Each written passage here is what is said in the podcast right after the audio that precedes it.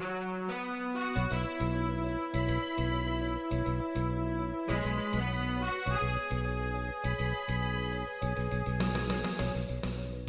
listening to Radio Free Asia. The following program is in Khmer.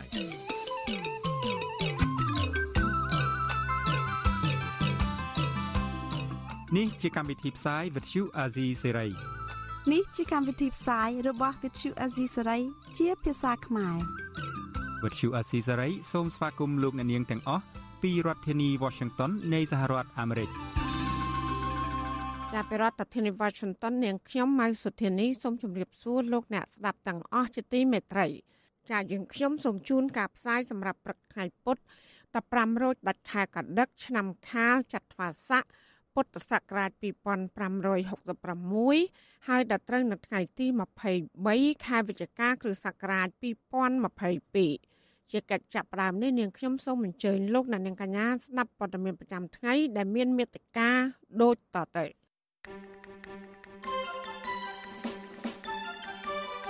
ក្រុមអ្នកខ្លាំមើលជំរុញឲ្យកម្ពុជាលើកយកបញ្ហានៅកំពង់ផែរៀមទៅពិភាក្សាក្នុងកិច្ចប្រជុំរដ្ឋមន្ត្រីការពារជាតិអាស៊ានបូក មហាសន្និបាតអន្តរសភាអាស៊ានអាយប៉ាក្រុងបង្កើតគណៈកម្មការអន្តរសភាយុវជនអាស៊ាន ដើម្បីពង្រឹងវិស័យនយោបាយលោកហ៊ុនសែនទទួលស្គាល់ថាលោកโจ Biden ប្រាប់លោកឲ្យកែលម្អស្ថានភាពសិទ្ធិមនុស្សមុនការបោះឆ្នោតឆ្នាំ2023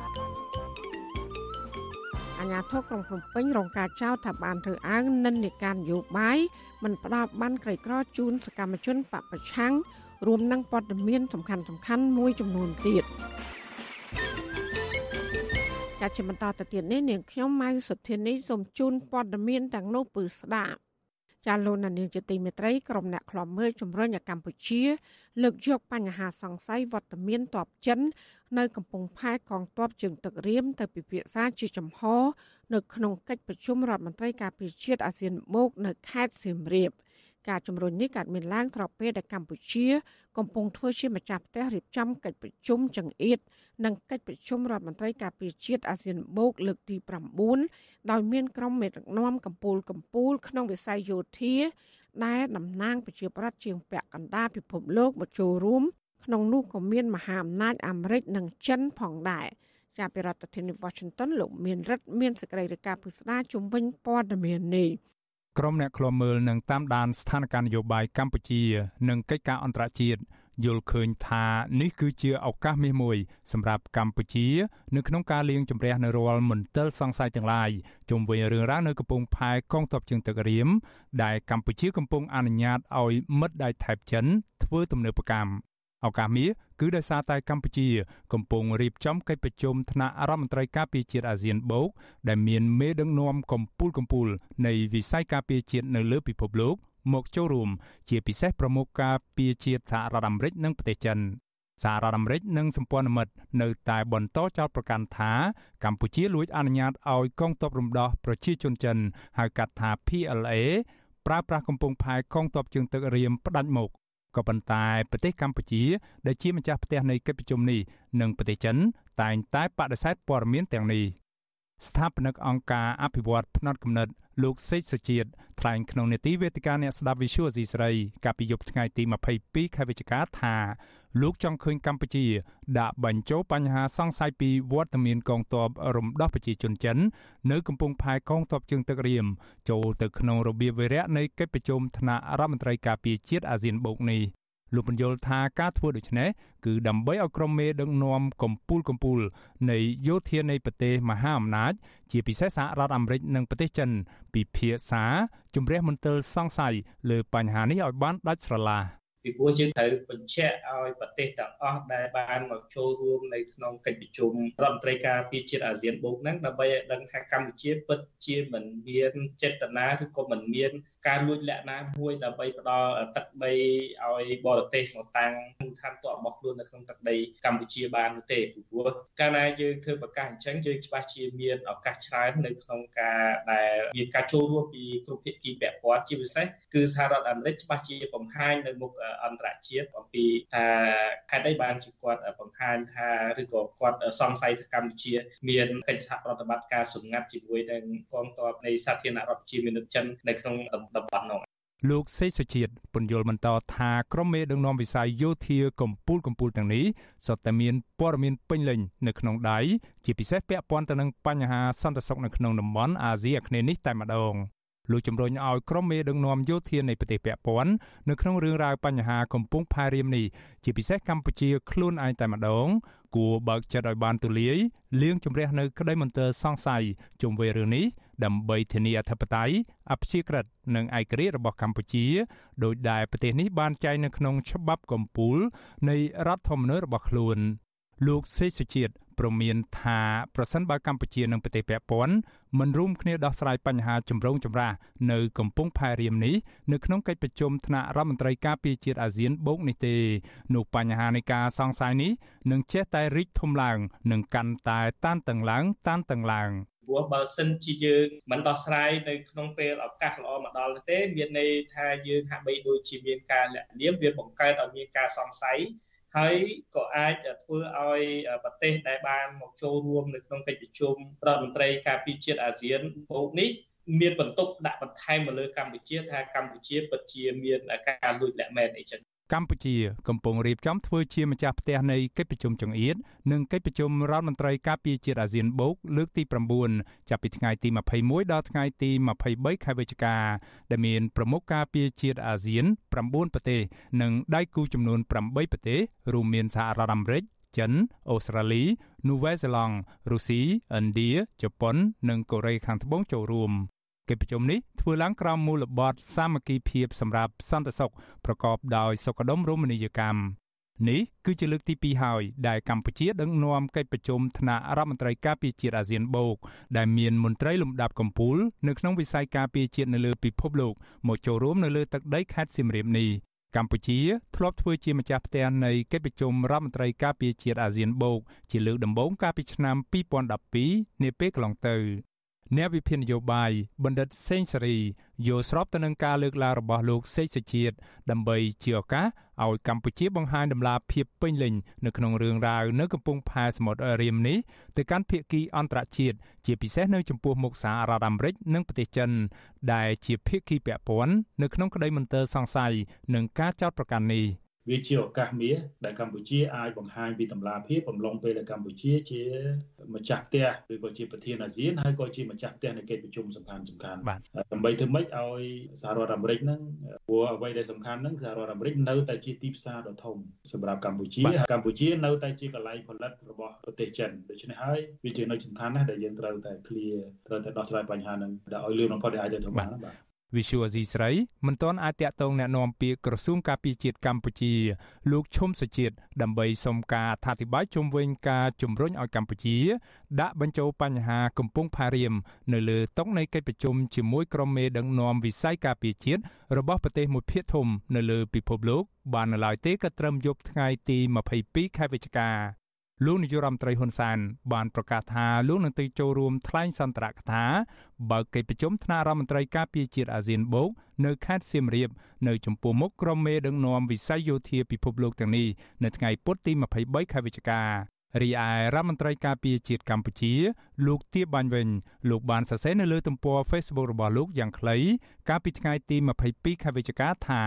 លោកបានមានជំនួបទ្វេភាគីជាមួយរដ្ឋមន្ត្រីការពារជាតិអាមេរិកលោក Lloyd Austin ដែលផ្ដោតលើកិច្ចសហប្រតិបត្តិការវិស័យការពារជាតិនិងសន្តិសុខដើម្បីបម្រើឲ្យផលប្រយោជន៍ទៅវិញទៅមកលោកទាបាញ់មិនបានឲ្យដឹងទេថាតើភាគីអាមេរិកបានលើកឡើងពីកង្វល់នានាពាក់ព័ន្ធទៅនឹងបញ្ហាសង្ស័យថាកម្ពុជាបានលួចអនុញ្ញាតឲ្យកងទ័ពសាធារណរដ្ឋប្រជាមានិតចិនប្រើប្រាស់កំពង់ផែកងទ័ពជើងទឹករៀមផ្ដាច់មុខឬយ៉ាងណានោះទេ រីឯរដ្ឋមន្ត្រីការពារជាតិអាមេរិកលោក Lloyd Austin វិញលោកបានសរសេរនៅលើទំព័រ Twitter របស់លោកកាលពីយប់ថ្ងៃទី22ខែវិច្ឆិកាថាលោកបានជួបជាមួយរដ្ឋមន្ត្រីការពារជាតិកម្ពុជា លោកទៀបបាញ់នៅមុនកិច្ចប្រជុំរដ្ឋមន្ត្រីការពារជាតិអាស៊ានបូក លោកថាលោកបានស្វាគមន៍ជំហរជាគោលការណ៍របស់កម្ពុជា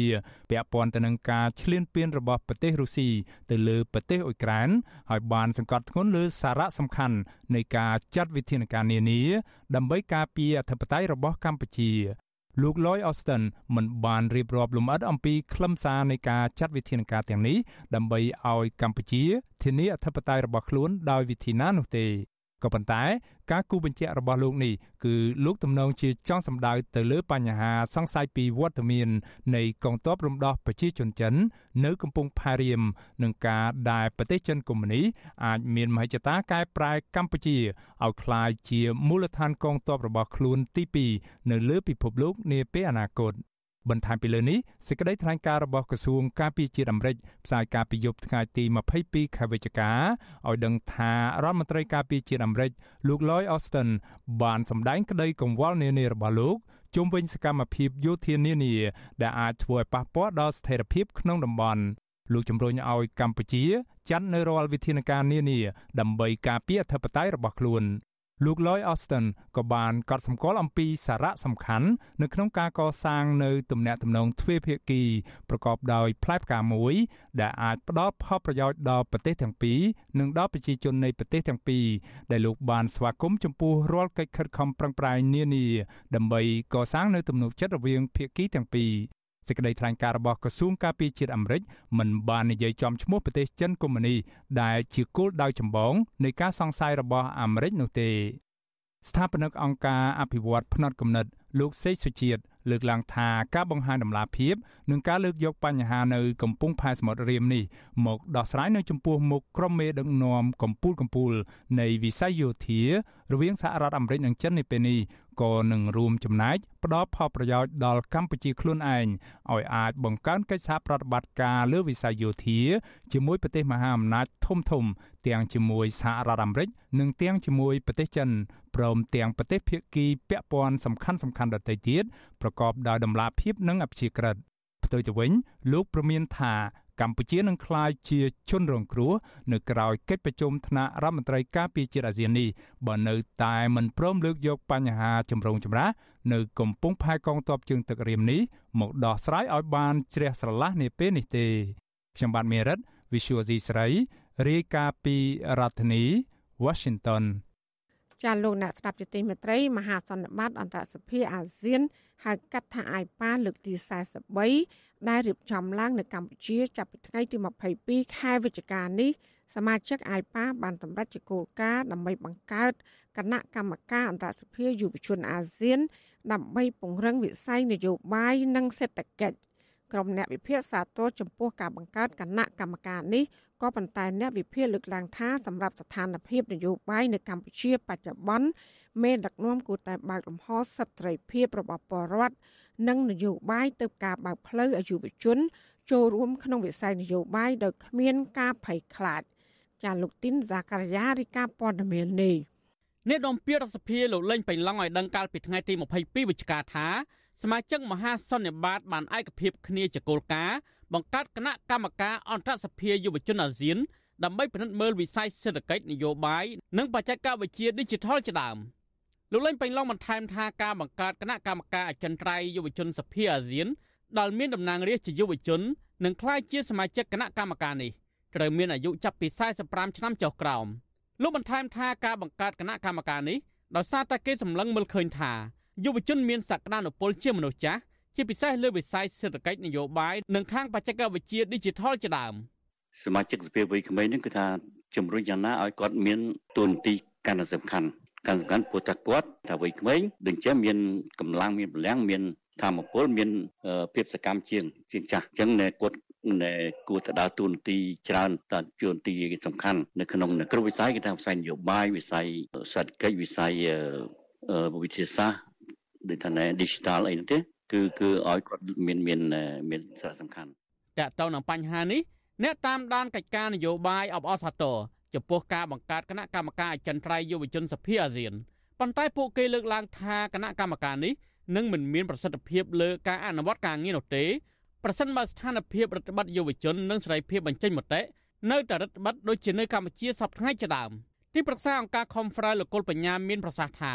យុវជនដែលនឹងអាចក្លាយទៅជាសមាជិកគណៈកម្មការអចិន្ត្រៃយ៍សភាយុវជនអាស៊ាននេះបានលុះត្រាតែពួកគេបានជាប់ជាតំណាងរាស្ត្រជាមុនសិនតែសម្រាប់នៅកម្ពុជាលំហនយោបាយនៅតែរដ្ឋបတ်ហើយសភាកម្ពុជានៅតែក្លាយជាសភាឯកបកលោកបន្ថែមថាការបើកលំហសេរីភាពយុវជននិងនយោបាយជារឿងសំខាន់ដែលមេដឹកនាំត្រូវតែដោះស្រាយបាទសំខាន់ត្រូវនិយាយអំពីលើកស្ទួយសិទ្ធិសេរីភាព បញ្ចេញមតិនឹងទៅដល់យុវជនគឺថាត្រូវធ្វើគោលនយោបាយមួយគឺថាយើងចង់ឃើញលទ្ធផលអញ្ចឹងហើយប៉ុន្តែមូលហេតុដើម្បីឲ្យបានលទ្ធផលដែលយើងចង់ឲ្យបានសភាយុវជននឹងសកម្មវាទាល់តែត្រូវការពារគោរពហើយនឹងបំពេញឲ្យបាននៅសិទ្ធិសេរីភាពបញ្ចេញមតិសេរីភាពប្រមូលផ្ដុំគ្នានិងសេរីភាពធ្វើសមាគមរបស់យុវជននឹងសំខាន់ណាស់យើងអត់ធ្វើឲ្យបណ្ដាប្រទេសដែលជាសមាជិកនឹងរដ្ឋាភិបាលបណ្ដាប្រទេសនៅក្នុងសមាជិកនឹងមិនមិនគោរពសិទ្ធិសេរីភាពនឹងទេគឺថាអ្វីដែលយើងចង់ឃើញភាពសកម្មរបស់យុវជននឹងគឺថាมันអាចទៅរួចទេ មហាសន្និបាតអន្តរសភាអាស៊ានលើកទី43ដែលរៀបចំឡើងនៅកម្ពុជាចាប់ពីថ្ងៃទី21ដល់ថ្ងៃទី24វិច្ឆិកាគឺលោកហេងសំរិនធ្វើជាប្រធាននិងមានប្រទេសជាសមាជិកចំនួន8ចូលរួមក្នុងចំណោមប្រទេសទាំង10រួមមានប្រេណេឥណ្ឌូនេស៊ីឡាវហ្វីលីពីនសិង្ហបុរីថៃវៀតណាម និងកម្ពុជា ដោយឡែកប្រទេសជាសមាជិក2ទៀតមិនបានចូលរួមនោះទេ គឺមីយ៉ាន់ម៉ាឬភូមា និងម៉ាឡេស៊ី ដោយសារតែម៉ាឡេស៊ីកំពុងតែរវល់នឹងរៀបចំការបោះឆ្នោតមហាសន្និបាតអន្តរសភាអាស៊ាននេះក៏មានសមាជិកសភាមកពីប្រទេស4ទៀតបានចូលជាសមាជិកសង្កេតការណ៍នៅកិច្ចប្រជុំនេះដែររួមមានសហរដ្ឋអាមេរិកនេប៉ាល់អាស៊េបៃសុងនិងសមាជិកសភាមកពីប្រទេសសូស៊ីជាដើមអ្នកនាំពាក្យនៃមហាសន្និបាតអន្តរសភាអាស៊ានលោកខុតច័ន្ទតារាបានថ្លែងនៅក្នុងសិនសិទ្ធិសារព័ត៌មានថាកិច្ចប្រជុំកាលពីថ្ងៃទី22វិច្ឆិកា គឺមានគណៈកម្មាធិការចំនួន5បានបើកកិច្ចប្រជុំដាច់ដライពីគ្នារួមមានកិច្ចប្រជុំគណៈកម្មាធិការសេដ្ឋកិច្ចគណៈកម្មាធិការសង្គមគណៈកម្មាធិការរៀបចំនិងសវនាការអាយប៉ាអាស៊ាន និងគណៈកម្មាធិការនយោបាយដោយឡែកសម្រាប់គណៈកម្មាធិការនយោបាយនេះគឺដឹកនាំដោយលោកហ៊ុនម៉ាណីលោកខុតច័ន្ទតារាបន្ថែមថាគណៈកម្មាធិការនយោបាយរៀបចំឡើងដើម្បីពង្រឹងកិច្ចសន្ទនាអាយប៉ាអាស៊ានក្នុងការលើកកម្ពស់សន្តិភាពសម្រាប់ធ្នាប់អាស៊ាន និងពហុភាគីនិយម កិច្ចប្រជុំគណៈកម្មាធិការនយោបាយនេះរៀបចំឡើង ក្នុងគោលបំណងដើម្បីពង្រឹងកិច្ចសន្ទនាអាយប៉ាអាស៊ាន និងភាពជាដៃគូក្នុងការដោះស្រាយបញ្ហាប្រឈមរួមគ្នានិងធ្វើសកម្មភាពរួមគ្នាដើម្បីពង្រឹងមជ្ឈភាពអាស៊ាន ក្នុងការលើកកម្ពស់សន្តិភាពវិបលភាពសន្តិភាពអន្តរជាតិដោយផ្អែកលើច្បាប់អន្តរជាតិនិងពហុភាគីនិយមបើកចំហនិងប្រកបដោយបរិយាបន្នតើតើនឹងបញ្ហានេះ លោកលេងប៉េងឡុងមានប្រសាសន៍ថាបច្ចុប្បន្នគណៈកម្មាធិការនយោបាយអន្តរសភាអាស៊ានគឺដឹកនាំដោយលោកហ៊ុនម៉ាណីប៉ុន្តែនៅក្រៅពេលគណៈកម្មការអចិន្ត្រៃយ៍យុវជនអន្តរសភាអាស៊ាននឹងបង្កើតឡើងជាផ្លូវការនៅឆ្នាំក្រោយដែលរៀបចំឡើងដោយប្រទេសឥណ្ឌូនេស៊ីហើយនៅពេលនោះលោកហ៊ុនម៉ាណីនិងតំណាងរាស្ត្រវ័យក្មេងផ្សេងទៀតនឹងក្លាយជាសមាជិកគណៈកម្មការនេះប្រសិនបើពួកគេនៅតែជាប់ជាតំណាងរាស្ត្រនៅអាណត្តិក្រោយទោះបីជាយ៉ាងណាក៏ដោយស្ថាបនិកអង្គការអភិវឌ្ឍផ្នែកកំណត់ លោកបណ្ឌិតសេកសុជាតិមានប្រសាសន៍ថាការបង្កើតគណៈកម្មការអចិន្ត្រៃយ៍អន្តរសភាអាស៊ាននេះជារឿងល្អមួយប៉ុន្តែគណៈកម្មការនេះមិនអាចបំពេញតួនាទីរបស់ខ្លួនបានល្អប្រសើរនោះទេដរាបណាកម្ពុជានៅតែរដ្ឋបတ်សិទ្ធិសេរីភាពយុវជនលោកបន្ថែមថាយុវជនមិនអាចក្លាយជាទំពាំងស្នងរិស័យបានទេ នៅពេលដែលគណៈបកកាន់អំណាចនៅតែបិទសេរីភាពយុវជនដោយសពថ្ងៃនេះ តែពិតទៅវាគឺជាគ្រោះបើសិនជាយើងពិនិត្យមើលគ្រោះយ៉ាងម៉េចមានន័យថាសំឡេងរបស់កម្ពុជានៅថ្ងៃខាងមុខគឺមានការចាញ់ឆ្រាបទៅលើសំឡេងរបស់ថ្នាក់ដឹកនាំមួយចំនួន នៅក្នុងតំបន់អាស៊ាន ដែលគេប្រកាន់នៅគោលជំហរនិងចក្ខុវិស័យច្បាស់លាស់និងវែងឆ្ងាយសម្រាប់ការពារនៅផលប្រយោជន៍របស់ជនជាតិគេ ដូច្នេះហើយយើងឃើញថាបើសិនជាយើងបាត់បង់ឱកាសមានន័យថាយើងបាត់បង់នៅបទពិសោធន៍ហើយយើងក៏បានធ្វើឲ្យកម្លាំងធនធានយុវជនដែលជាអ្នកបន្តវេនកម្ពុជាហ្នឹងចុះខ្សោយផងដែរហើយក៏យើងធ្វើឲ្យកម្ពុជាហ្នឹងបាត់នៅប្រជាប្រិយភាពរបាយការណ៍ស្ទង់មតិមួយរបស់អង្គការដំឡាភិបកម្ពុជា TI បានចេញផ្សាយកាលពីខែតុលាថាយុវជនកម្ពុជាភាគច្រើនមិនសូវចាប់អារម្មណ៍នឹងរឿងនយោបាយ ដោយសារតែពួកគេព្រួយបារម្ភពីសវត្ថិភាពនិងយល់ថារឿងនយោបាយគឺជារឿងគ្រោះថ្នាក់របាយការណ៍ស្ទង់មតិនោះបានរកឃើញថាក្នុងចំណោមយុវជនចំនួន1600នាក់គឺមានចំនួន17%បានលើកឡើងថាពួកគេចាប់អារម្មណ៍ឬចាប់អារម្មណ៍យ៉ាងខ្លាំងលើកិច្ចការនយោបាយរីឯចំនួន82%ទៀតបាននិយាយថា ពួកគេមិនចាប់អារម្មណ៍នឹងរឿងនយោបាយទាល់តែសោះឬចាប់អារម្មណ៍តិចតួច អន្តរសភាអាស៊ានឬហៅកាត់ថា AIPA ជាវេទិកាសភានៃបណ្ដាប្រទេសជាសមាជិកអាស៊ានទាំង10ដែលតំណាងឲ្យបរិវត្តប្រមាណ700លាននាក់អន្តរសភាអាស៊ាននេះជាវេទិកាមួយដើម្បីប្រមូលផ្ដុំផ្នែកកំណត់មតិយោបល់ទស្សនៈរបស់តំណាងបរិវត្តក្រមចក្ខុវិស័យទូលំទូលាយក្នុងគោលបំណងដោះស្រាយបញ្ហារួមរបស់ពិភពលោកដែលធ្វើឲ្យប៉ះពាល់ដល់តំបន់អាស៊ីអាគ្នេយ៍ឬអាស៊ាន និងជំរុញឲ្យមានសន្តិសុខស្ថិរភាពនិងវិបុលភាព មហាសន្និបាតអន្តរសភាអាស៊ាននេះមានសមាជិកសភាមកពីប្រទេសជាសមាជិកនីមួយៗចំនួន15នាក់និងមានចំនួនការពីររូបទៀតចូលរួម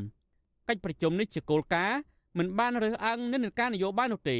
គឺមានសមាជិកសភាមកពីគណៈបកប្រឆាំងនិងគណៈបកកណ្ដាលអំណាចគឺអាស្រ័យលើប្រទេសជាសមាជិកនីមួយៗចាត់តាំងឲ្យមកចូលរួមដោយឡែកសម្រាប់កម្ពុជាវិញក្រោយពីគណៈបកកណ្ដាលអំណាចបានរំលាយគណៈបកសង្គ្រោះជាតិកាលពីឆ្នាំ2017មក មិនមានសមាជិកសភាមកពីគណៈបកប្រឆាំងមកចូលរួមក្នុងមហាសន្និបាតនេះឡើយ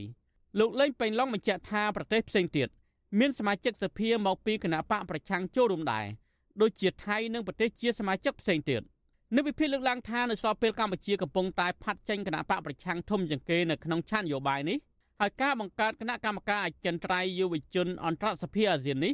មិនបានឆ្លុះបញ្ចាំងអំពីដំណាភាពនឹងការបើកសិទ្ធិទលំទលាយសម្រាប់តំណាងរាស្ត្រ មកពីគ្រប់គណៈបកនយោបាយដើម្បីឲ្យចូលរួមជាសមាជិកគណៈកម្មការនេះបានឡើយដរាបណាកម្ពុជានៅតែមានសភាឯកបកដូចសពថ្ងៃនោះខ្ញុំទីនសាការីយ៉ាអស៊ីសេរីប្រធានីវ៉ាស៊ីនតោនចាលោកនាងជាទីមេត្រីវិទ្យុអសីស្រីផ្សាយតាមរលកធាតុអាកាសខ្លីឬ short wave តាមកម្រិតនិងកម្ពស់ដូចតទៅ ចាប់ពេលព្រឹកចាប់ពីម៉ោង5កន្លះដល់ម៉ោង6កន្លះតាមរយៈរលកធាតុអាកាសខ្លី9390 kHz ស្មើនឹងកម្ពស់ 32m និង11850 kHz ស្មើនឹងកម្ពស់ 25m ចាសម្រាប់ពេលយប់ចាប់ពីម៉ោង7កន្លះដល់ម៉ោង8កន្លះគឺតាមរយៈរលកធាតុអាកាសខ្លី9390 kHz ស្មើនឹងកម្ពស់ 32m 15155 kHz ស្មើនឹងកម្ពស់ 20m និង11885 kHz ស្មើនឹងកម្ពស់ 20m ចាសសូមអរគុណ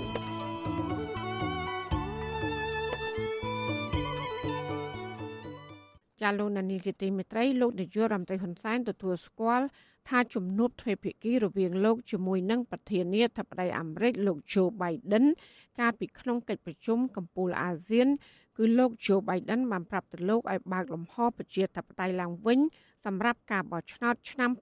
2023ខាងមុខ ប៉ុន្តែលោកហ៊ុនសែនបដិសេធថាមេដឹកនាំអាមេរិករូបនេះមិនបានទៀមទាឲ្យមានការដោះលែងអ្នកជំនាញច្បាប់និងកិច្ចការអន្តរជាតិកញ្ញាសេងធារីនោះឡើយចាអ្នកស្រីសុជីវីមានសេចក្តីរាយការណ៍ពុស្ដាជំវិញព័ត៌មាននេះទោះបីជាលោកនាយករដ្ឋមន្ត្រីហ៊ុនសែនព្យាយាមនិយាយថាជំនួបរវាងលោកជាមួយប្រធានាធិបតីអាមេរិកលោកជូបៃដិនគឺមិនមែនលោកជូបៃដិនមកប្រដៅលោកដល់ផ្ទះក្តីប៉ុន្តែក៏លោកទទួលស្គាល់ថាលោកជូបៃដិន បាននិយាយជាមួយលោកពាក់ព័ន្ធលំហប្រជាធិបតេយ្យនៅកម្ពុជាលោកហ៊ុនសែនបន្តទៀតថាប្រធានាធិបតីអាមេរិកមិនបានលើកឡើងពីបញ្ហាបុគ្គលនៃក្រមសកម្មជន ដែលកំពុងជាប់ឃុំនោះទេខ្ញុំវាមិនដូចជាមិនមិនយល់ដែរតើណាណាបញ្ចេញព័ត៌មានហ្នឹងហើយព័ត៌មានហ្នឹងណាណាអ្នករសេបើប្រធានាធិបតីអាមេរិកកាំងអត់និយាយជាមួយខ្ញុំរឿងហ្នឹងបងនិយាយអំពីបញ្ហាការបើកលំហប្រជាធិបតេយ្យសម្រាប់ការបោះឆ្នោតនៅពេលក្រោយនេះ ប៉ុន្តែនិយាយអំពីតួអង្គមនុស្សនេះមនុស្សនោះគឺអត់ហ្មងអត់ខ្ញុំវាមិនលឺលោកហ៊ុនសែនថ្លែងដូចនេះនៅក្នុងពិធីបិទសន្និបាតជាតិខួបលើកទី30នៃសកម្មភាពមីននៅកម្ពុជា ថ្ងៃទី22ខែវិច្ឆិកានេះជាការបដិសេធលើកទី2របស់លោកហ៊ុនសែនកាលពីក្នុងសន្និសីទសារព័ត៌មានកាលពីថ្ងៃទី13ខែវិច្ឆិកាលោកហ៊ុនសែនថាសេចក្តីថ្លែងការណ៍របស់សហរដ្ឋអាមេរិកគឺជារឿងរបស់អាមេរិកលោកមិនបានដឹងរឿងនេះទេ តកតងករណីកញ្ញាសេងធីរីលោកហ៊ុនសែនបានហៅអ្នកជំនាញច្បាប់និងកិច្ចការអន្តរជាតិកញ្ញាសេងធីរីថាជាអប្សរាក្បាលត្រងោលលោកហ៊ុនសែនហាក់និយាយឌឺដងទៀតថា នៅពេលលោកទទួលទានអាហារជាមួយមេដឹកនាំពិភពលោកនិងជាមួយប្រធានាធិបតីអាមេរិក លោកបាននិយាយជាមួយលោកโจ Biden រឿងអប្សរាសម្ពុតវែងនិងអប្សរាសម្ពុតខ្លីលោកហ៊ុនសែនក៏បញ្ជាក់ផងដែរថាលោកโจ Biden និងលោក មិនបាននិយាយអំពីអប្សរាក្បាលត្រងោលទេ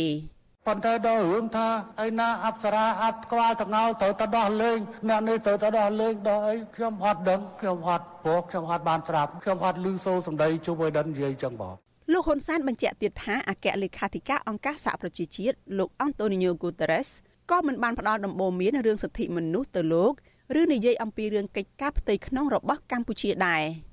លោកបញ្ជាក់ថា ជំនួបរវាងលោកជាមួយនឹងអគ្គលេខាធិការអង្គការសហប្រជាជាតិជជែករឿងធំធំ3គឺផ្ទេរសំណុំរឿងសេសសល់របស់សាលាក្តីខ្មែរក្រហមឬតុលាការកូនកាត់មកឲ្យតុលាការកម្ពុជាកាត់ក្តីវិញការបញ្ជូនកងកម្លាំងកម្ពុជាទៅក្រៅប្រទេសក្រោមឆ័ត្រអង្គការសហប្រជាជាតិនិងកិច្ចប្រជុំភ្នាក់ងារអង្គការសហប្រជាជាតិប្រចាំកម្ពុជាជាមួយលោកហ៊ុនសែនទោះបីជាលោកហ៊ុនសែនលើកឡើងបែបនេះក្តីប៉ុន្តែសេចក្តីប្រកាសព័ត៌មានរបស់សេតវិមានឲ្យដឹងថា ក្នុងជំនួបរវាងប្រធានាធិបតីអាមេរិកលោកโจ Biden ជាមួយនឹងលោកហ៊ុនសែនក្នុងអំឡុងកិច្ចប្រជុំកំពូលអាស៊ានកាលពីថ្ងៃទី12ខែវិច្ឆិកាលោកโจ Biden បានលើកឡើងពីបញ្ហាមូលដ្ឋានកងទ័ពចិននៅលំហសមុទ្ររៀមខេត្តប្រសេះហនុទាមទារឲ្យបើកលំហសិទ្ធិពលរដ្ឋនិងសិទ្ធិនយោបាយសម្រាប់ការបោះឆ្នោតឆ្នាំ2023និងទាមទារទៅរដ្ឋាភិបាលលោកហ៊ុនសែនឲ្យដោះលែងអ្នកទោសនយោបាយរួមទាំងកញ្ញាសេងធីរីផងដែរស្រដៀងគ្នានេះដែរលោកអង់តូនីញ៉ូហ្គូតេរ៉េស ក៏អំពាវនាវទៅរដ្ឋាភិបាលលោកហ៊ុនសែនឲ្យបើកលំហសេរីភាពឲ្យបានច្រើនជាងមុនដែរប្រធានក្រុមប្រឹក្សាឃ្លាំមើលកម្ពុជាដែលកំពុងរស់នៅប្រទេសណ័រវេលោកម៉ែនណាតយល់ថាបញ្ហាកញ្ញាសេងធីរីគឺសហរដ្ឋអាមេរិកមិនអាចបំភ្លេចទេព្រោះកញ្ញាសេងធីរីមានសញ្ជាតិអាមេរិកលោកបន្តទៀតថាការបង្ហើបរបស់លោកហ៊ុនសែនដែលថាលោកโจ Biden ទាមទារឲ្យមានការបើកលំហប្រជាធិបតេយ្យឡើងវិញគឺមានន័យគ្រប់គ្រាន់ថាបញ្ហាសិទ្ធិមនុស្សប្រជាធិបតេយ្យ និងការចោទប្រកាន់លើសកម្មជននយោបាយឬករណីកញ្ញាសេងធីរីគឺសុទ្ធតែជាប្រធានបទក្តៅដែលភាគីទាំងពីរបានជជែកគ្នា កាលណាគេរំលឹកពីលំហភាពតែហើយក្នុងហ្នឹងក៏គេនិយាយអំពីសេងធារីហ្នឹងគ្រាន់តែគេបញ្ជាក់បន្ថែមថាត្រូវតែដាក់កញ្ញាសេងធារីចូលនៅក្នុងខ្លឹមសារហ្នឹងហើយដោះលែងទៅដោះលែងកញ្ញាសេងធារីទៅជានាងជាពលរដ្ឋអាមេរិកកាំងផងគាត់គេបញ្ជាក់បន្ថែមសង្កត់តែប៉ុណ្្នឹងតាតាមពិតបើនិយាយពីលំហភាពតែគឺវាមានន័យគ្រប់គ្រាន់រួចទៅហើយសម្រាប់លោកហ៊ុនសែនត្រូវតែគ្រប់ដោះស្រាយនោះ សមត្ថកិច្ចបានចាប់ខ្លួនកញ្ញាសេងធីរីអ្នកជំនាញច្បាប់និងកិច្ចការអន្តរជាតិកាលពីថ្ងៃទី14ខែមិថុនាក្រោយតុលាការប្រកាសសាលក្រមថាកញ្ញាមានទោសពីបទចោទរួមគំនិតក្បត់ក្នុងសំណុំរឿងវិលចូលស្រុករបស់លោកសំរងស៊ីកាលពីឆ្នាំ2019តុលាការកាត់ទោសឲ្យកញ្ញាជាប់ពន្ធនាគារ6ឆ្នាំក្រៅពីកញ្ញាសេងធីរីក៏មានសកម្មជននិងមន្ត្រីគណៈបកប្រឆាំងជាច្រើនរូបផ្សេងទៀតកំពុងជាប់ឃុំនិងរងការចោទប្រកាន់នៅក្នុងសំណុំរឿងនេះដែរ។ ទីប្រឹក្សាសមាគមគ្រូបង្រៀនកម្ពុជាឯករាជ្យនិងជាប្រធានសហភាពសហជីពកម្ពុជាលោករងជុនយល់ថាសេចក្តីប្រកាសព័ត៌មានរបស់សេតវិមានជាការបញ្ជាក់ប្រកាសផ្លូវការនៅសម្ដីរវាងលោកហ៊ុនសែនជាមួយនឹងលោកโจ Biden លោកយល់ថាប្រសិនបរដ្ឋាភិបាលកម្ពុជាយល់ព្រមឆ្លើយតបតាមសំណើរបស់សហរដ្ឋអាមេរិកកម្ពុជាអាចនឹងទទួលបានការអនុគ្រោះពន្ធ GSP របស់សហរដ្ឋអាមេរិកមកវិញផ្ទុយទៅវិញលោកថាប្រសិនបរដ្ឋាភិបាលលោកហ៊ុនសែន បន្តចោតប្រកាន់និងបន្តឃុំខ្លួនសកម្មជននយោបាយតទៅទៀតកម្ពុជាមិនអាចទទួលបានការអនុគ្រោះពន្ធ GSP ពីអាមេរិកមកវិញទេ ហើយកម្ពុជាក៏ប្រឈមបាត់បង់ប្រព័ន្ធអនុគ្រោះពន្ធ EBA ពីសហភាពអឺរ៉ុបបន្ថែមទៀត។ ហើយគេនឹងអាចថាដាក់សម្ពាធទៅលើគេថាមន្ត្រី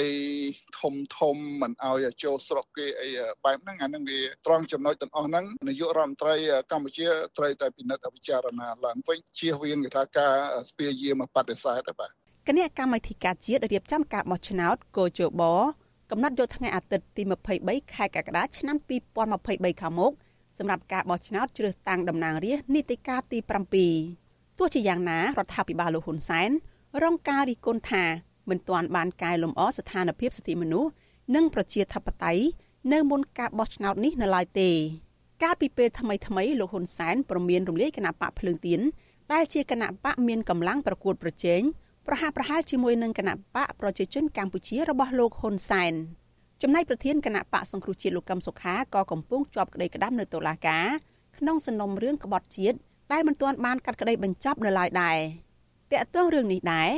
នាយករដ្ឋមន្ត្រីជប៉ុនលោក Fumio Kishida ចង់ឃើញការបោះឆ្នោតនៅកម្ពុជានៅក្នុងឆ្នាំ2023ខាងមុខដំណើរការទៅដោយសេរីត្រឹមត្រូវនិងយុត្តិធម៌និងឆ្លុះបញ្ចាំងពីសម្លេងចម្រុះរបស់ពលរដ្ឋកម្ពុជា នាងខ្ញុំសុជីវី With you Azizi Serai ពីរដ្ឋធានី Washington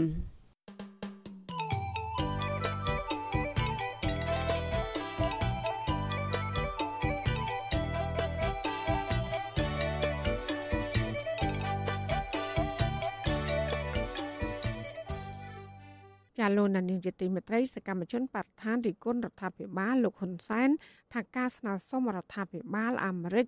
ដោះលែងមន្ត្រីជាន់ខ្ពស់ក្រសួងកសិកម្មជុំវិញករណីជួញដូរស្វាខុសច្បាប់គឺជារឿងគួរឲ្យអាម៉ាស់សម្រាប់កម្ពុជា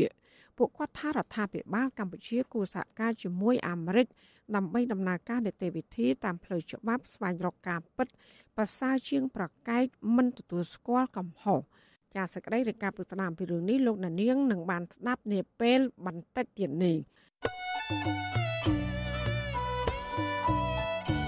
ចាលោកណានៀងជាទីមេត្រីវັດជុអសីស្រីសូមជូនដំណឹងថាយើងគ្មានអ្នកយកព័ត៌មានប្រចាំទៅប្រទេសកម្ពុជានោះឡើយបើសិនជាមានជនណាម្នាក់អះអាងថាជាអ្នកយកព័ត៌មានឲ្យវិទ្យុអសីស្រីនៅកម្ពុជានោះគឺជាការក្លែងបន្លំយកឈ្មោះរបស់វិទ្យុអសីស្រី ក្នុងគោលបំណងទុច្ចរិតរបស់បុគ្គលនោះចាសសូមអរគុណ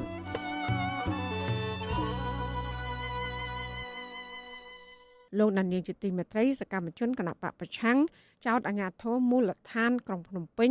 ថាបានផ្ដាល់បានក្រីក្រជូនប្រជាប្រដ្ឋឬអើងនិន្នាការនយោបាយសកម្មជនគណៈបកភ្លើងទៀនបន្តអំពាវនាវឲ្យរដ្ឋាភិបាលដោះស្រាយបញ្ហានេះ និងបញ្ឈប់ការរើសអើងនិន្នាការនយោបាយដែលធ្វើបាបប្រជាប្រដ្ឋស្លូតត្រង់ចា៎នេះគឺជាសេចក្តីរាយការណ៍របស់លោកសេកបណ្ឌិតជំនាញព័ត៌មាននេះអតីតសមាជិកក្រុមប្រឹក្សាសង្កាត់ច្បារអំពើមួយមកពីគណៈបកសង្គ្រោះជាតិលោកមិនលីណា មិនពេញចិត្តចំពោះទង្វើរបស់អាញាធរសង្កាត់មកពីគណៈបកកណ្ដាលអំណាចថារើសអើងនិន្នាការនយោបាយក្នុងការផ្ដាល់បានក្រីក្រលើពលរដ្ឋណា ដែលមិនគ្រប់គ្រងគណៈបកប្រជាជនកម្ពុជា សកម្មជនគណៈបកភ្លើងទីរូបនេះអះអាងថា បច្ចុប្បន្នគ្រួសារលោកទីទាល់ក្រខ្លាំងតែអាញាធរសង្កាត់ច្បារអំពើមួយមិនផ្ដល់បានក្រីក្រឲ្យគ្រួសារលោកនោះទេបើទោះបីជាលោកបានស្នើសុំជាច្រើនដងមកហើយក្តីលោកថាក្រោយពីប្រពន្ធរបស់លោកស្លាប់ទៅ បន្ទុកគ្រួសារទាំងមូលធ្លាក់មកលើលោកដោយត្រូវចិញ្ចឹមចៅពិការម្នាក់ខ្វះអាហាររូបត្ថម្ភនិងកូនប្រុសម្នាក់ទៀតញៀនថ្នាំមានអាការៈមិនប្រក្រតី លោកចាត់ទុកទង្វើរបស់អាញាធរសង្កាត់ច្បារអំពើមួយ ថារើសអើងនិន្នាការនយោបាយបំពេញខ្លឹមសាររដ្ឋធម្មនុញ្ញអត់មានអីរបានឲ្យពិបាកអញ្ចឹងដូរក៏យើងទៅដើរលក់ឡើងវិញក៏មួយថ្ងៃដៃតិចតួចតិចតួចហ្នឹងទេរើសអើងយើងហ្មងផ្នែកនយោបាយយើងមិនជាសមាជិកគេអញ្ចឹងគេខ្ញុំដឹងខ្លួនឯងច្បាស់គឺគេមិនឲ្យមកឲ្យដឹងថាខ្ញុំណាក់បាក់ចាំងហ្នឹងដូចថាគេមិនសមាជិកគេនឹងផ្ដល់ឲ្យចង់និយាយអញ្ចឹងហ្មង លោកមិនលីណាបន្ថែមថាបច្ចុប្បន្នលោកប្រកបមុខរបររត់ផាសអាប់និងជួលតូបមួយកន្លែងដើម្បីលក់បបរចិញ្ចឹមជីវិតដោយក្នុងមួយថ្ងៃលោកអាចរកប្រាក់ចំណូលបានចន្លោះពី20000រៀលទៅ30000រៀលលោកបញ្ជាក់ថាមុខរបរទាំងនេះគ្រាន់តែចិញ្ចឹមក្រពះប៉ុណ្ណោះมันអាចធ្វើឲ្យជីវភាពគ្រួសាររបស់លោកធូរស្រាលបានឡើយកាលពីឆ្នាំ2017 លោកមិនលីណាបានជាប់ឆ្នោតជាសមាជិកក្រុមប្រឹក្សាសង្កាត់ច្បារអំពើមួយមកពីគណៈបកសង្គ្រោះជាតិក្នុងអាណត្តិទី4ហើយក្រោយពីរដ្ឋាភិបាលរំលែកគណៈបកប្រឆាំងដ៏ធំមួយនេះកាលពីចុងឆ្នាំ2017លោកបានបាត់បង់តួនាទីជាសមាជិកក្រុមប្រឹក្សាសង្កាត់កាលពីឆ្នាំ2021លោកបានឈោះឈ្មោះជាបេក្ខជនបោះឆ្នោតជ្រើសរើសសមាជិកក្រុមប្រឹក្សាសង្កាត់ច្បារអំពើមួយមកពីគណៈបកភ្លើងទៀនអាណត្តិទី5 លេខរៀងទី2ប៉ុន្តែពុំទទួលបានជោគជ័យនោះឡើយ។ចំណែកពលរដ្ឋរស់នៅភូមិដើមមាក់ឃ្លឿសង្កាត់ច្បារអំពើមួយលោកមួសុងអន់ចិត្តចំពោះអាញាធរមូលដ្ឋាន មកពីគណៈបកកណ្ដាលអំណាចដែលបន្តរើសអើងគ្រួសារលោកដែលគ្រប់គ្រងគណៈបកភ្លើងទៀន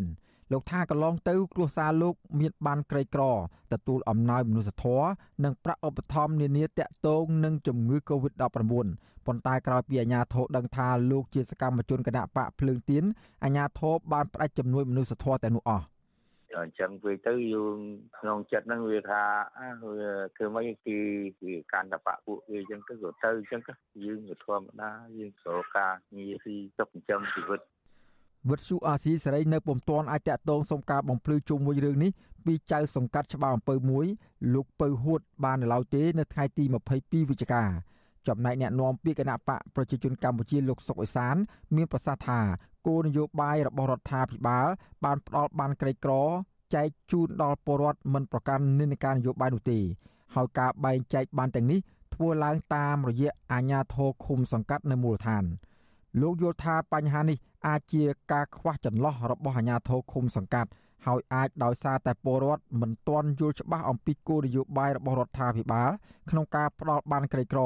ដែលមិនទាន់មានលទ្ធភាពដល់ជូនពលរដ្ឋក្រីក្របានគ្រប់គ្រប់គ្នានោះឡើយ។ អញ្ចឹងគេចែកអត់មានប្រកាន់និន្នាការនយោបាយទេដោយសារតែបានចែកចរនោះវាមិនបានចែកភ្លាមវាគ្រប់គ្នាសម្រាប់តាទូទាំងប្រទេសឲ្យដូចដូចគ្នានោះវានៅទេវាអាចខ្វះចន្លោះខ្លះក៏ប៉ុន្តែគេនឹងការធ្វើការកែតម្រូវបដាបដាដើម្បីធ្វើម៉េចឲ្យបងប្អូនដែលប្រឈមនឹងការខ្វះខាតហើយវាត្រូវនឹងក្របខ័ណ្ឌត្រូវនឹងលក្ខខណ្ឌដែលតម្រូវបានបានក្រីក្រហ្នឹងអាហ្នឹង ជុំវិញរឿងនេះមន្ត្រីនាំពាក្យសមាគមការពារសិទ្ធិមនុស្សអាត6លោកសឹងសានករណាយល់ថាប្រសិនបើអាជ្ញាធរមូលដ្ឋានឬអើងនិន្នាការនយោបាយក្នុងការផ្ដាល់បានក្រីក្រ គឺជាទង្វើបំពានរដ្ឋធម្មនុញ្ញលោកសាសូមឲ្យអាជ្ញាធរជាតិគួរតែពិនិត្យឡើងវិញចំពោះទង្វើទាំងនេះនិងដាក់ទោសទណ្ឌទៅលើមន្ត្រីណាដែលប្រព្រឹត្តកំហុស។ សកម្មភាពបែបនេះវាមានគ្រោះថ្នាក់ណាស់វាជាការផាត់ចេញនៅអ្នកនយោបាយសកម្មជននយោបាយចេញពីសង្គមបែបនេះវាជារឿងមួយដែលមិនគួរកើតឡើងនៅក្នុងសង្គមប្រជាធិបតេយ្យនិងប្រទេសដែលគោរពតាមគោលការណ៍សិទ្ធិមនុស្សទាំងអស់នេះទេបាទរដ្ឋាភិបាលបានបង្កើតគោលនយោបាយផ្ដល់បានសមធម៌ឬបានក្រីក្រប្រភេទ1និងប្រភេទ2ដើម្បីបញ្ជាក់អត្តសញ្ញាណក្រុមគូសាពលរដ្ឋទីទាល់ក្រ អាចទទួលបានសេវាសង្គម អំណោយមនុស្សធម៌និងប្រាក់ឧបត្ថម្ភផ្សេងផ្សេងបាននេះពលរដ្ឋក្រីក្រមានសិទ្ធិទទួលបានជំនួយជាសាច់ប្រាក់សម្រាប់បង់ថ្លៃព្យាបាលជំងឺនៅគ្រប់មន្ទីរពេទ្យរដ្ឋឬមណ្ឌលសុខភាពហើយអ្នកដែលមើលថែអ្នកជំងឺក៏ទទួលបានប្រាក់ឧបត្ថម្ភក្នុងមួយថ្ងៃ5000រៀលសម្រាប់ថ្លៃអាហារផងដែរចំណែកស្ត្រីមានផ្ទៃពោះនិងឆ្លងទន្លេក៏ទទួលបានប្រាក់ឧបត្ថម្ភ200,000រៀលនិងបើកប្រាក់បាន10ដង ដោយក្នុងមួយខែបើកម្ដងបាន40000រៀល ខ្ញុំបាទសេកបណ្ឌិតវិទ្យុអាស៊ីសេរីពីរដ្ឋធានីវ៉ាស៊ីនតោន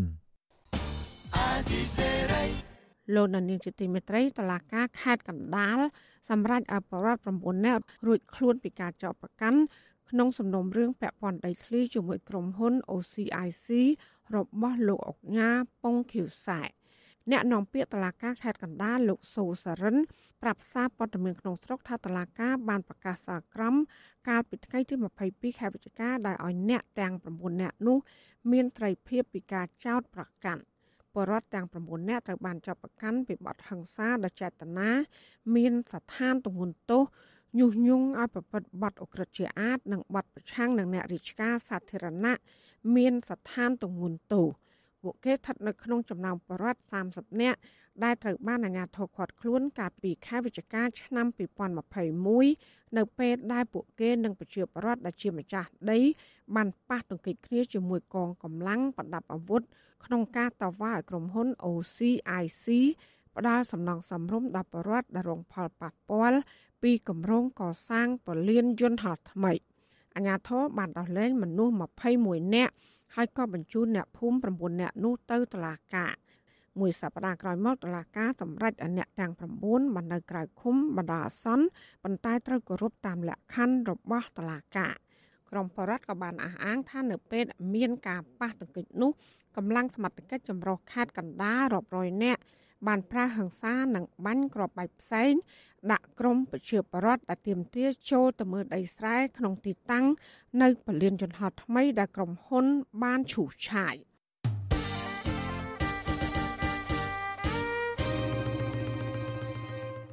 លោកអ្នកស្ដាប់ជាទីមេត្រីកម្ពុជាក្រុងនាំចេញអង្គទៅកាន់ប្រទេសបង់ក្លាដេសជំហានដំបូងក្នុងបរិមាណ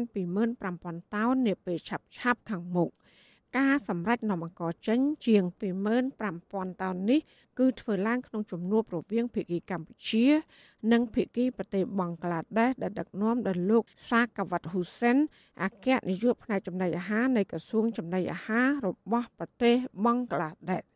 ចចំណែកអភិគីកម្ពុជាដឹកនាំដោយលោកច័ន្ទសុកទីប្រធានអគ្គនាយកក្រុមហ៊ុន Green Tree និងមានការចូលរួម ពីប្រធានសហព័ន្ធត្រូវអង្គកម្ពុជាលោកសុងសារ៉ន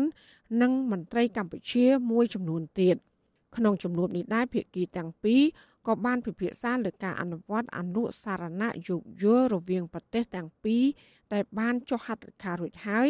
និងពិភាក្សាលើប្រភេទអង្ករដែលប្រទេសបង់ក្លាដេសត្រូវការក្នុងនោះ គឺមានអង្ករចំហុយនិងអង្ករសព្រមទាំងកិច្ចសន្យារវាងក្រុមហ៊ុនរបស់រដ្ឋនៃប្រទេសទាំងពីរនិងកិច្ចសន្យារវាងក្រុមហ៊ុនរដ្ឋនិងផ្នែកឯកជនផងដែរបន្ថែមពីនេះប្រទេសបង់ក្លាដេសមានចំណាប់អារម្មណ៍ចង់វិនិយោគលើរោងចក្រនៃការផលិតកែច្នៃអង្ករចំហុយនៅប្រទេសកម្ពុជាហើយរួចនាំចេញទៅប្រទេសបង់ក្លាដេស ប្រទេសបង់ក្លាដេសធ្លាប់នាំចូលអង្ករពីកម្ពុជា កាលពីឆ្នាំ2018ប្រមាណជាជាង35,000តោនក៏ប៉ុន្តែដោយសារបញ្ហាតម្លៃដឹកជញ្ជូនថ្លៃការនាំចេញក៏ត្រូវបានផ្អាកជាបណ្ដោះអាសន្ន របាយការណ៍របស់សហព័ន្ធត្រូវអង្គកម្ពុជាឲ្យដឹងថា រយៈពេល8ខែក្នុងឆ្នាំ2022កម្ពុជាបាននាំចេញអង្ករទៅក្រៅប្រទេសសរុបជិត39ម៉ឺនតោនដែលគិតជាទឹកប្រាក់ប្រមាណជា243លានដុល្លារអាមេរិកហើយបើធៀបអំឡុងពេលដូចគ្នាកាលពីឆ្នាំ2021គឺកើនឡើងជាង13% ប្រទេសចិននាំអង្គចូលច្រើនជាងគេលំដាប់លេខ1ស្មើនឹងអត្រា46%បារាំងលំដាប់ទី2ក្នុងអត្រា15%បន្ទាប់មកប្រទេសម៉ាឡេស៊ីនិងបណ្ដាប្រទេសជាច្រើនទៀត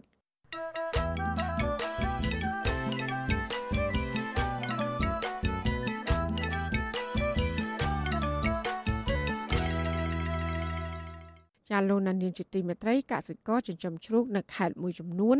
រិះគន់រដ្ឋាភិបាលថាអសមត្ថភាព ក្នុងការទប់ស្កាត់ការនាំចូលសាច់ជ្រូកកកដែលធ្វើឲ្យប៉ះពាល់ដល់កសិករចិញ្ចឹមជ្រូកក្នុងស្រុកការរិះគន់នេះបន្ទាប់ពីតម្លៃជ្រូករស់បានបន្តចុះថោកនិងលក់មិនបានប្រាក់ចំណេញដើម្បីដោះស្រាយជីវភាពគ្រួសារ អ្នកឯកទេសចិញ្ចឹមសត្វយល់ឃើញថារដ្ឋាភិបាល និងក្រសួងពាក់ព័ន្ធគួរទប់ស្កាត់ការនាំចូលសាច់ជ្រូកកកឬក្លាសេឬក៏ដំឡើងតម្លៃពន្ធនាំចូលសាច់ជ្រូក ពីប្រទេសជិតខាងហើយជួយរកទីផ្សារលក់ជ្រូកឲ្យពលរដ្ឋ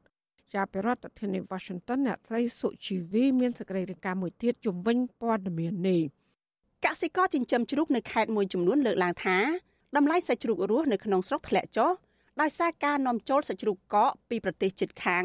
ក្នុងតម្លៃថោកធ្វើឲ្យកសិករចិញ្ចឹមជ្រូករស់គ្មានទីផ្សារលក់ជ្រូកចេញព្រោះតម្លៃជ្រូកកកនៅលើទីផ្សារថោកជាងតម្លៃជ្រូករស់ពាក់កណ្ដាលកសិករចិញ្ចឹមជ្រូកនៅស្រុកកំពង់ត្រឡាចខេត្តកំពង់ឆ្នាំងលោកធឿនធៀងប្រាប់វិទ្យុអាស៊ីសេរីកាលពីថ្ងៃទី22ខែវិច្ឆិកាថាលោកចិញ្ចឹមជ្រូកប្រមាណ100ក្បាលប៉ុន្តែកំពុងតែខាត់បង់ជាបន្តបន្ទាប់ក្រោយតម្លៃជ្រូកធ្លាក់ថ្លៃ លោកថាសប្តាហ៍ឈ្មួញទិញជ្រូករស់ក្នុងតម្លៃ7000រៀលនៅក្នុង1គីឡូក្រាមដែលមិនអាចទូទាត់នឹងការចំណាយប្រាក់ដើមលោកបន្តថាបើតម្លៃជ្រូកជាង10000រៀលនៅក្នុង1គីឡូក្រាមទើបកសិករអាចទប់ទល់នឹងតម្លៃចំណីនៅលើទីផ្សារបច្ចុប្បន្នលោកបន្ថែមថាតម្លៃជ្រូកធ្លាក់ថ្លៃមកពីឈ្មួញនាំចូលសាច់ជ្រូកកកពីប្រទេសជិតខាងច្រើនដែលមានតម្លៃថោកនាំឲ្យតម្លៃជ្រូករស់នៅក្នុងស្រុកធ្លាក់ថ្លៃលោកធឿនធៀងបញ្ជាក់ថា ជ្រូករបស់លោកដល់អាយុត្រូវលក់ប៉ុន្តែទោះជាតម្លៃថោកក៏លោកត្រូវបង្ខំចិត្តលក់ដែរព្រោះมันអាចទុកបានដោយសារតែសត្វមានជីវិតត្រូវការចំណីដែលធ្វើឲ្យលោកខាត់បងប្រាក់ជាច្រើនគឺខាត់ប្រមាណជិត10000ដុល្លារស្មើនឹងជាង41លានរៀលក្នុងជ្រូក100ក្បាលពីពេលនឹងទៅមុខទៀតតម្លៃនឹងនៅតែបន្តធ្លាក់ចុះពីទៅ3ខែខាងមុខទៀតអត់មានអ្វីក្រៅពីការបោះបង់នោះរបរនឹងចោលព្រោះបើសិនជាយើងបន្តទៀតវាខាត ដដែលបាទឃើញតាមសង្គម Facebook ហ្នឹងឃើញការនាំសាច់បង្កកចូលអញ្ចឹងធ្វើឲ្យជ្រូកក្នុងស្រុកយើងហ្នឹងក៏វាបង្កើតបានច្រើនហើយជ្រូកបរទេសក៏នាំចូលទៀតវាបុកគ្នាជ្រូកបរទេសគេនាំចូលយើងហ្នឹងវាតម្លៃធូរហើយដូច្នេះធ្វើឲ្យតម្លៃជ្រូករស់យើងហ្នឹងវាធ្លាក់តាមអ្នករងផលប៉ះពាល់គឺអ្នកចិញ្ចឹមបើមិនជាទុកស្កាត់សាច់បង្កកហ្នឹងមួយរយៈពេលឬក៏អាតែម្ដងខ្ញុំគិតថាប្រហែលអាចជ្រូកក្នុងស្រុកហ្នឹងវាឡើងថ្លៃវិញស្រដៀងគ្នានេះដែរកសិករចិញ្ចឹមជ្រូកនៅក្រុងត្បូងឃ្មុំខេត្តត្បូងឃ្មុំ លោកស្រីគំពុទ្ធិរីលើកឡើងថាតម្លៃជ្រូកចុះថោកខ្លាំងប៉ុន្តែតម្លៃចំណីឡើងខ្ពស់ដែលមិនអាចឲ្យលក់ជ្រូកបានប្រាក់ចំណេញដោះស្រាយជីវភាពគ្រួសារនោះទេលោកស្រីថាកត្តាដែលធ្វើឲ្យតម្លៃជ្រូកនៅក្នុងស្រុកធ្លាក់ថ្លៃបណ្ដាលមកពីការនាំចូលមកពីប្រទេសជិតខាងច្រើនធ្វើឲ្យទីផ្សារជ្រូកខ្មែរធ្លាក់ថ្លៃលឿនលោកស្រីបន្តថាកសិករចិញ្ចឹមជ្រូកមួយចំនួនបានបោះបង់ការចិញ្ចឹមជ្រូកនិងទៅបង្កើតមុខរបរផ្សេង ព្រោះមានការខាត់បងជាបន្តបន្ទាប់លោកស្រីបន្ថែមថាកន្លងមកលោកស្រីតែងយកប្រាក់ពីការធ្វើកសិកម្មផ្សេងផ្សេងដើម្បីទិញចំណីឲ្យជ្រូកព្រោះសង្ឃឹមថានៅពេលលក់អាចទទួលបានប្រាក់ចំណេញដោះស្រាយប្រាក់ជំពាក់ធនាគារលោកស្រីព្រួយបារម្ភថាតម្លៃជ្រូកនៅតែបន្តធ្លាក់ថ្លៃទៀតនឹងធ្វើឲ្យប៉ះពាល់ដល់ជីវភាពគ្រួសារព្រោះមិនអាចលក់បាននឹងត្រូវដាក់ចំណីឲ្យជាប្រចាំរងចាំតម្លៃជ្រូកសមរម្យឡើងវិញ លោកស្រីបន្តទៀតថាតម្លៃជ្រូកគ្មានទីផ្សារច្បាស់លាស់ហើយការទិញលក់អាស្រ័យទៅលើមាត់ឈ្មួញប៉ុន្តែអ្នកចិញ្ចឹមចំណាយច្រើន ដែលធ្វើឲ្យខាតខ្លាំងវាចុះថោកខ្លាំងគ្រូអត់ទៅមានទីផ្សារណាកូនជ្រូកក៏ថោកជ្រូកសាច់ក៏ថោកដែរចំណៃវិញអត់មានចុះថោកទេអឺនាំចូលមកពីក្រៅច្រើនធ្វើឲ្យអ្នកចិញ្ចឹមជ្រូកនៅខ្មែរជួបបញ្ហាច្រើនអញ្ចឹងតែជ្រូកធ្លាក់ថ្លៃអញ្ចឹងធ្វើឲ្យទីផ្សារជ្រូកនៅខ្មែរចុះ ខ្លាំងហើយក៏នៅនេះឈប់ចិញ្ចឹមខ្លះហើយគាត់ធ្លាប់ចិញ្ចឹមជ្រូកសាច់ថា20ក្បាល30ក្បាលដែរអញ្ចឹងធ្លាប់ចិញ្ចឹមចំណេញដល់ពេលជ្រូកចុះខ្លាំងពេកអញ្ចឹងគាត់ចង់លក់ឈប់ចិញ្ចឹមណាមួយទៀតចំណៃថ្លៃទៅជ្រូកវាអត់ឡើងថ្លៃទេបែរជាចុះអ្នកចិញ្ចឹមជ្រូកនៅស្រុកតាំងគោកខេត្តកំពង់ធំលោកខុតវុយប្រាប់វិទ្យុអាស៊ីសេរីថាលោកចិញ្ចឹមជ្រូកចំនួន20ក្បាលក្រោយពីទំនេរពីធ្វើស្រែលោកថាឈ្មួញដើរទិញជ្រូករស់ក្នុងតម្លៃ7000រៀលនៅក្នុង1គីឡូក្រាម ប៉ុន្តែតម្លៃសាច់ជ្រូកនៅក្នុងស្រុកនៅលើទីផ្សាររក្សាតម្លៃជិត20000រៀលដដែលលោកយល់ថាដោយសារតែមានការនាំចូលសាច់ជ្រូកកកពីប្រទេសជិតខាងធ្វើតម្លៃសាច់ជ្រូកនៅក្នុងស្រុកធ្លាក់ថ្លៃព្រោះពលរដ្ឋភៀសច្រើនចូលចិត្តទិញសាច់ជ្រូកដែលមានតម្លៃថោកសម្រាប់បរិភោគលោកខុតវុយបន្តទៀតថាតម្លៃសាច់ជ្រូកនាំចូលថោកមិនត្រឹមតែប៉ះពាល់ដល់ឈ្មួញលក់ដូរនោះទេគឺប៉ះពាល់ដល់អ្នកចិញ្ចឹមទាំងលក្ខណៈគ្រួសារនិងក្រុមហ៊ុនធំធំ ព្រោះតម្លៃទុនចិញ្ចឹមចំណាយច្រើន តែលក់ចេញវិញគ្មានប្រាក់ចំណេញ។ប៉ះពាល់វាអត់ចំណាញ់ចំណីថ្លៃការចិញ្ចឹមហ្នឹងវាមិនសូវលូតលាស់ល្អទៅ5ខែទៅ6ខែបានលក់ដល់សាច់ជ្រូកស្រីយើងកាប់នៅតម្លៃកដែលបាត់ជ្រូកនាំចូលជ្រូកស្រីយើងបានថ្លៃហ្នឹងណៃតម្លៃថ្លៃជាងមុនតែយើងអត់ចំណាញ់ប៉ះពាល់ថវិកាហ្នឹងចាយអត់គ្រប់កូនក៏រៀនច្រើនកសិករអ្នកចិញ្ចឹមជ្រូកនៅតែយល់ឃើញថាកត្តាដែលនាំឲ្យជ្រូកធ្លាក់ថ្លៃគឺមកពីការនាំចូលជ្រូករស់ និងសាច់ជ្រូកកកខុសច្បាប់ច្រើនទើបតម្លៃជ្រូកនៅក្នុងស្រុកគ្មានស្ថិរភាពនឹងកាន់តែចុះថោកពួកគាត់អំពាវនាវដល់រដ្ឋាភិបាលនិងស្ថាប័នពាក់ព័ន្ធពិសេសក្រសួងកសិកម្មរកវិធានការទប់ស្កាត់ការនាំចូលសាច់ជ្រូកកកគ្រប់ប្រភេទដើម្បីឲ្យទីផ្សារជ្រូករស់នៅក្នុងស្រុកមានស្ថិរភាពហើយអាចលក់បានប្រាក់ចំណេញឡើងវិញ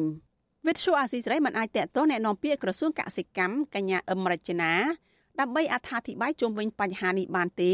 កាលពីថ្ងៃទី22ខែវិច្ឆិកាដោយកញ្ញាប្រាប់ថាជាប់រវល់ប្រជុំ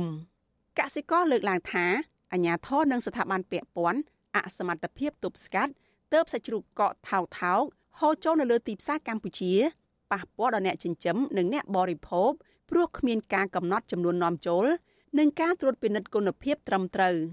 ជុំវិញរឿងនេះអ្នកឯកទេសចិញ្ចឹមសត្វកម្ពុជា លោករស់ឆៃគីយល់ថា ការត្រួតពិនិត្យនិងទប់ស្កាត់ការនាំចូលជ្រូកកកឬកំណត់ចំនួននាំចូលគឺជារឿងសំខាន់ដើម្បីធ្វើឲ្យតម្លៃជ្រូករស់របស់កសិករមានតម្លៃសមរម្យឡើងវិញលោកថាកសិករចិញ្ចឹមជ្រូកមានច្រើនធ្វើឲ្យសាច់ជ្រូកចាល់លើសពីតម្រូវការធ្វើឲ្យតម្លៃជ្រូកធ្លាក់ថ្លៃហើយកសិករមួយចំនួនក៏បានបោះបង់ការចិញ្ចឹមជ្រូកដែរលោកបន្តទៀតថា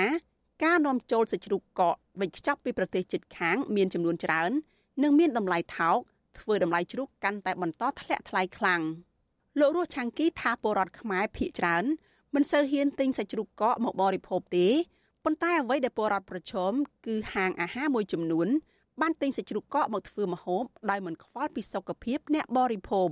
លោករស់ឆាំងគីអំពាវនាវឲ្យពលរដ្ឋគ្រប់គ្រងសាច់ជ្រូកក្នុងស្រុកដើម្បីលើកស្ទួយតម្លៃសាច់ជ្រូកនិងជួយដល់កសិករចិញ្ចឹមជ្រូក។ បើសម្រាប់ខ្ញុំផ្ទាល់មុននឹងការសម្រេចឲ្យការនាំចូលសាច់កកហ្នឹងយើងស្រាវឲ្យបានស៊ីជម្រៅទៅថាតើគួរនាំចូលក្នុងកម្រិតណាមួយឬក៏មិនត្រូវនាំចូលតែម្ដងអាហ្នឹងស្អែកលើការសិក្សារបស់ក្រសួងឲ្យបានជាក់លាក់ដើម្បីកាត់បន្ថយផលប៉ះពាល់ទៅដល់អ្នកចិញ្ចឹមនៅក្នុងស្រុកព្រោះដើម្បីជាងធ្វើម៉េចធានាបានទាំង3នាក់មានន័យថាទាំងអ្នកចិញ្ចឹមទាំងអ្នកលក់ទាំងអ្នកហូបឲ្យគាត់នឹងមានស្ថិរភាពទាំងអស់គ្នាមិនដើម្បីឲ្យតែចំណេញតែអ្នកលក់តែអ្នកចិញ្ចឹមបែរជាមានការខាត់បងអាហ្នឹងវាជាការឬក៏ការជួយដែលមិនមានស្ថិរភាពដល់លើមុខរបររបស់បងប្អូននៅក្នុងវិស័យចិញ្ចឹមសត្វអញ្ចឹងណាបងកន្លងមកទោះបីជារដ្ឋាភិបាលបានទប់ស្កាត់ការនាំចូលជ្រូករស់ពីប្រទេសជិតខាងយ៉ាងណាក្តី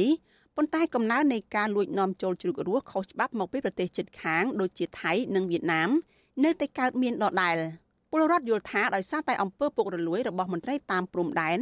និងអាជ្ញាធរពាក់ព័ន្ធទើបបរិមាណជ្រូកខុសច្បាប់ហូរចូលមកកម្ពុជាកាន់តែច្រើន ហើយទីផ្សារផ្គត់ផ្គង់សត្វជ្រូកក្នុងស្រុក នឹងទទួលរងនូវផលប៉ះពាល់កាន់តែធ្ងន់ធ្ងររបាយការណ៍ក្រសួងកសិកម្មឲ្យដឹងថា5ឆ្នាំចុងក្រោយគិតត្រឹមឆ្នាំ2021តម្រូវការសាច់សត្វគ្រប់ប្រភេទមានការកើនឡើងពី280ពាន់តោននៅក្នុងឆ្នាំ2017កើនឡើងដល់310ពាន់តោននៅក្នុងឆ្នាំ2021ហើយក្នុងនោះតម្រូវការសាច់ជ្រូកមានចំនួន160ពាន់តោនផងដែរពលរដ្ឋចិញ្ចឹមជ្រូកនិងអ្នកឯកទេសចិញ្ចឹមសត្វ អំពាវនាវដល់រដ្ឋាភិបាលនិងស្ថាប័នពាក់ព័ន្ធរកវិធីសាស្ត្រដោះស្រាយបញ្ហាចំណីជ្រូក និងទប់ស្កាត់ការនាំចូលសាច់ជ្រូកកកពួកគេយល់ថាអាញាធរពាក់ព័ន្ធគួរផ្សព្វផ្សាយដល់អាជីវករកាប់ជ្រូក និងពលរដ្ឋឲ្យគ្រប់គ្រងសាច់ជ្រូកក្នុងស្រុកដើម្បីលើកទឹកចិត្តដល់កសិករចិញ្ចឹមជ្រូកឲ្យនៅតែបន្តមុខរបរនេះនាងខ្ញុំសុជីវី With Shu Azizi Serai ពីរដ្ឋធានី Washington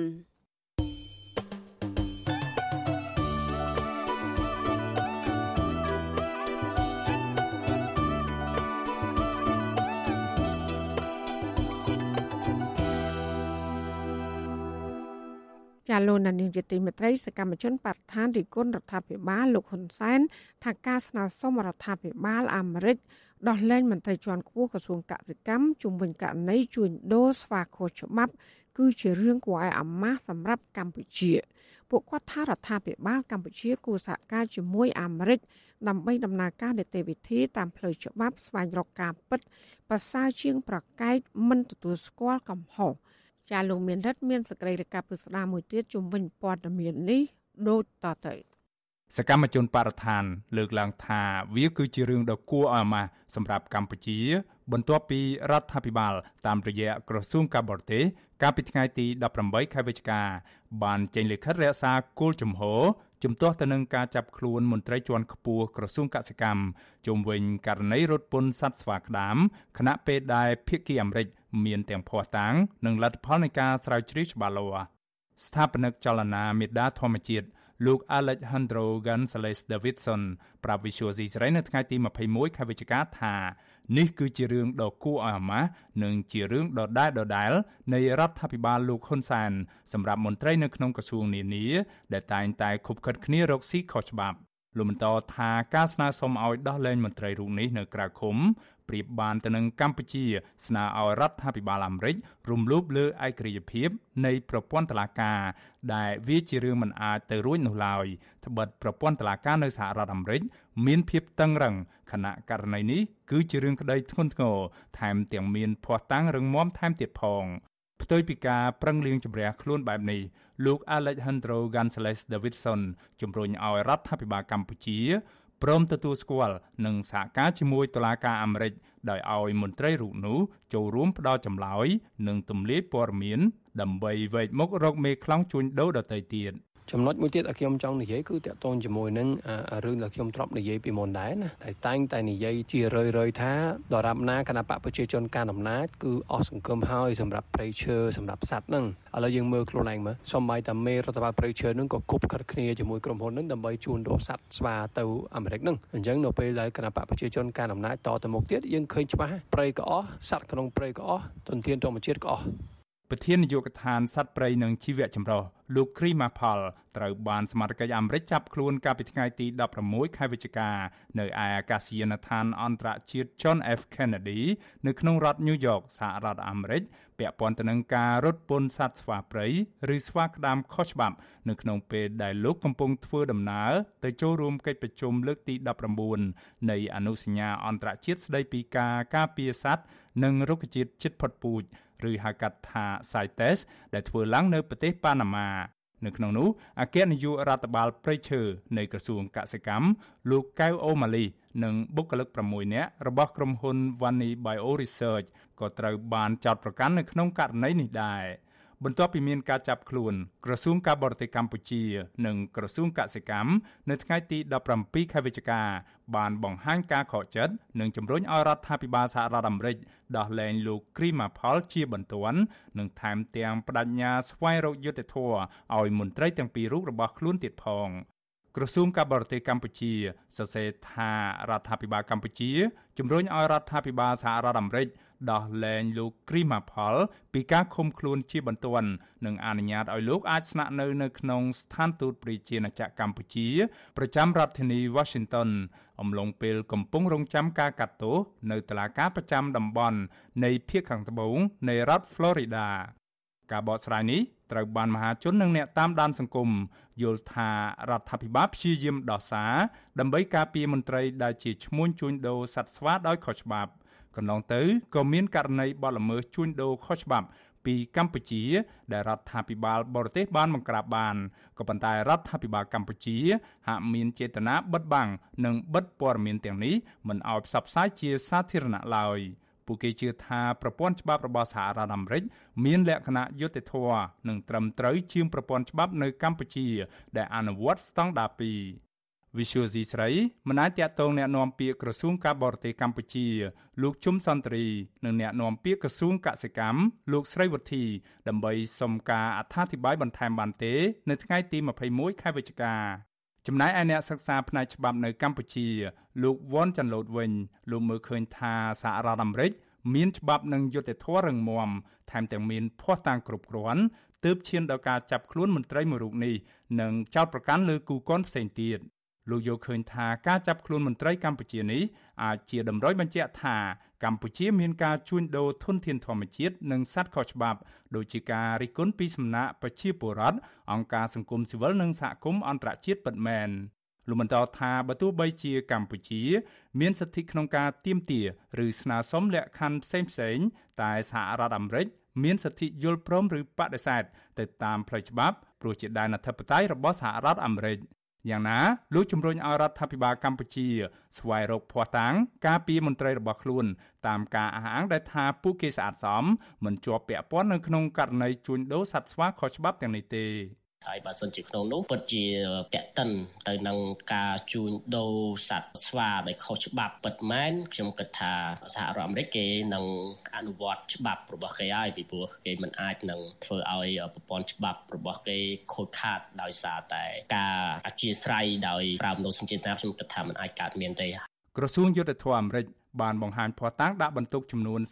31រួមមានប្រតិបត្តិការហិរញ្ញវត្ថុនិងការដឹកជញ្ជូនសត្វស្វារាប់រយក្បាលក្រោមឯកសារក្លែងបន្លំទៅកាន់រដ្ឋ Florida និងរដ្ឋ Texas នៃសហរដ្ឋអាមេរិកតាមរយៈក្រុមហ៊ុនស្រាវជ្រាវផ្នែកជីវសាស្ត្រឯកជនមួយឈ្មោះ Wani Bio Research របស់ចិនហុងកុងនៅក្នុងខេត្តពោធិ៍សាត់នៃប្រទេសកម្ពុជា សេចក្តីថ្លែងការណ៍ដែលចេញដោយការិយាល័យមេធាវីសហរដ្ឋអាមេរិកប្រចាំតំបន់ភាគខាងត្បូងនៃរដ្ឋ Florida កាលពីថ្ងៃទី16ខែវិច្ឆិកាបង្ហាញថាជនសង្ស័យទាំង8នាក់ត្រូវបានចោទប្រកាន់ថាពាក់ព័ន្ធទៅនឹងការសំគំនិតនៅក្នុងការនាំចូលដោយខុសច្បាប់និងការរត់ពន្ធសត្វព្រៃ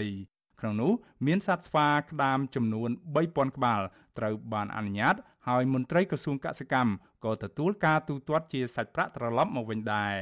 សត្វស្វាទាំងនោះត្រូវបានគេនាំចេញនៅក្នុងគោលដៅវិជ្ជសាស្ត្រធ្វើពិសោធន៍ដើម្បីផលិតឱសថវ៉ាក់សាំងឬគ្រឿងសម្អាងក្រសួងកសិកម្មផ្ដំណាមណាងថាសត្វស្វាក្តាមទាំងនេះគឺជាសត្វចិញ្ចឹមស្របតាមច្បាប់ត្រឹមត្រូវមិនមែនចាប់ពីក្នុងព្រៃនៃអូសៀនជាតិនិងតំបន់ការពារដោយតាមការចាត់ប្រកាន់របស់អាមេរិកនោះឡើយ សត្វស្វាក្តាមគឺជាប្រភេទសត្វព្រៃដែលជិតផុតពូជមួយនៅលើពិភពលោកដែលត្រូវបានការពារដោយអនុសញ្ញាស្តីពីការហាម5ការធ្វើពាណិជ្ជកម្មអន្តរជាតិលើប្រភេទសត្វនិងរុក្ខជាតិព្រៃដែលប្រឈមទៅនឹងការជិតផុតពូជហៅកាត់ថា CITES និងដោយច្បាប់របស់សហរដ្ឋអាមេរិកខ្ញុំបាទមេរិត Visual C ស្រីរាយការណ៍ពីរដ្ឋធានី Washington